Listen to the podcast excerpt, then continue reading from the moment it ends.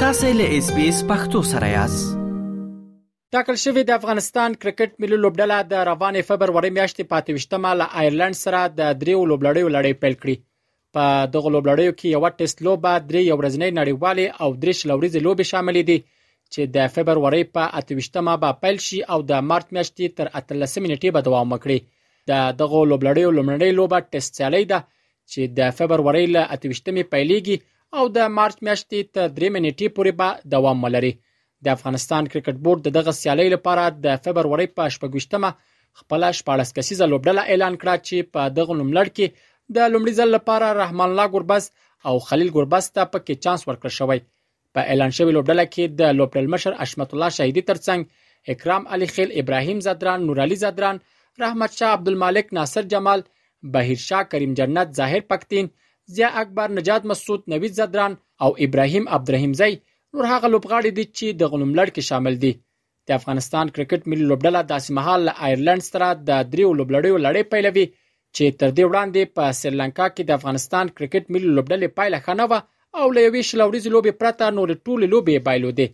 له دغه مات وروسته په کرکټ پورې د اړوندو چارواکو او څارونکو تورونه او نیوکې زیاتې شوې او د دغه لوبې د مینوالو غوسه یې وپاروله خو د افغانستان کرکټ بورډ بیا د دغه ماتو په اړه وایي سریلانکا پیاوړې لوبډله ده او کومې لوبلړۍ چې دوی هلته ترسره کړي د سریلانکا په کوربتوب یې چې له امله یې د افغانستان کرکټ ملي لوبډله له پرله پسې ماتو سره مخ شوه د کرکټ بورډ ویاند سید نسیم سادات له اس بي اس رادیو سره په خبرو کې بیا له آیرلند سره د لوبلړۍ په اړه وویل چې د دغو لوبلړیو د ترسره کولو لپاره له یو نوي پلان سره ډګر ته ښکته کیږي نوموړي زیاته کړه چې د افغانستان کرکټ ملي لوبډله مخکې له مخکې متحده عربي اماراتو ته رسیدلې او په تمریناتو بوخته ده او تم لري چې لوبغاړي به هڅه وکړي ترڅو بریاوې د افغانستان په نوم کړي د افغانستان او سریلانکا سیریز تاسو ولیدل چې په دغه سیریز کې زمونږه دوه پیاوړي توپچون کې راشد خان او مجيب صدران نو د ټپونو له کبله همدارنګه سریلانکا یو پیاوړې لوبډله ده ډیر زیات کرکټ کړی ډیر زیات سیالۍ کړې دي تاسو ولیدو چې دغه لوبې ټولې په سریلانکا کې وي نو دا غوي هوم ګراوند وو دا غوي خپل کورنی لوبغالي وو کنډیشن ابو هوا هر څه دا غوي په ګټه وه په کرکټ کې چې دوه لوبډلې میدان ته ښکته کیږي حتما ګټل او بایل شته تاسو ولیدل چې لدی وړاندې په نړیوال جام کې موږ سریلانکا ته ماته ورکړې و تیر کال مو سیریزونو کې ورته ورنه مسابقه ګټلې وي نو ان شاء الله تمه کیږي چې لوبډله به ښه کم بیک کوي هو مونږه په مخ کې د آیرلند سیریز لرو چې د فبرवरी تر 28 منټې نه پیلېږي تر مارچ 13 پورې دوام کوي زمونږ لوبغاړي مخکې له مخکې متحده عرب امارات تر رسیدلي الته خپل تمریناتو پیل کړی دی په خواني سینیئر مجرب لوبغاړي هم شته د ډومېسټک کرکټ خ پرفارمران هغوی هم هلته دي په تمریناتو باندې بوخت دي نو تمه کیږي چې زمونږ لوبډله به ان شاء الله خ کم بیک کوي او یو خ کمبینیشن به دراتونکو سیالیو لپاره جوړیږي ترڅو پر راتلونکو سیالیو کې بریاوې د افغانستان په نوم کړو اخوا د کرکټ برخې یو شمېر مبصرین که څه هم له سریلانکا څخه د ماتې په اړه بیلابل اندونه لري خو له آیرلند لوبډلې سره د لوب په اړه وایي چې د افغانستان کرکټ ملي لوبډله باید په دغو لوبلړیو کې له خپل کوربتوب څخه په ګټه اخیستنې په پوره همغږۍ له آیرلند سره لوبې ترسره کړي د کرکټ برخې دغه شمیر مبصرین په دې باور دي چې د کرکټ بورډ د سلیکشن کمیټه له آیرلند سره د لوبلړیو لپاره نوملړ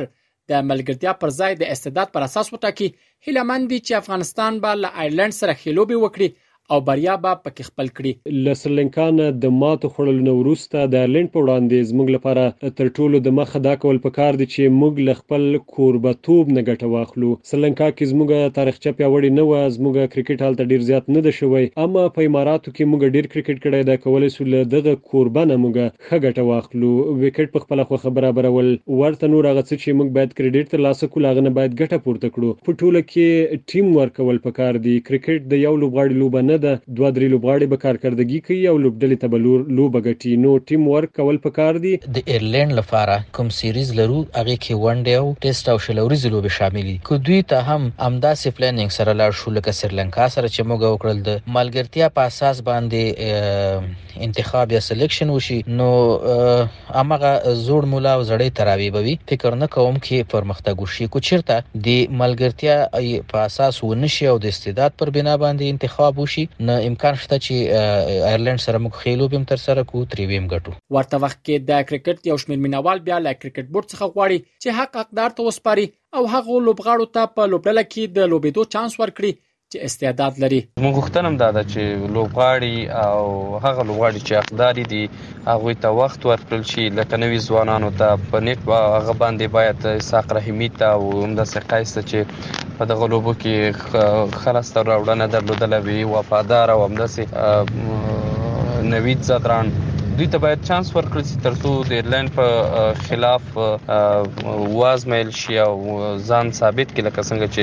اسحاق رحیمي ثابت کړ د افغانستان کرکټ ملي لوبډله د اسمحال له ایرلند سره د دریو لوبلړیو لړۍ پیلوي چې په پام کې ده د روان 2024 کال جون میاشت کې شلوریز نړیوال جام هم تر سره شي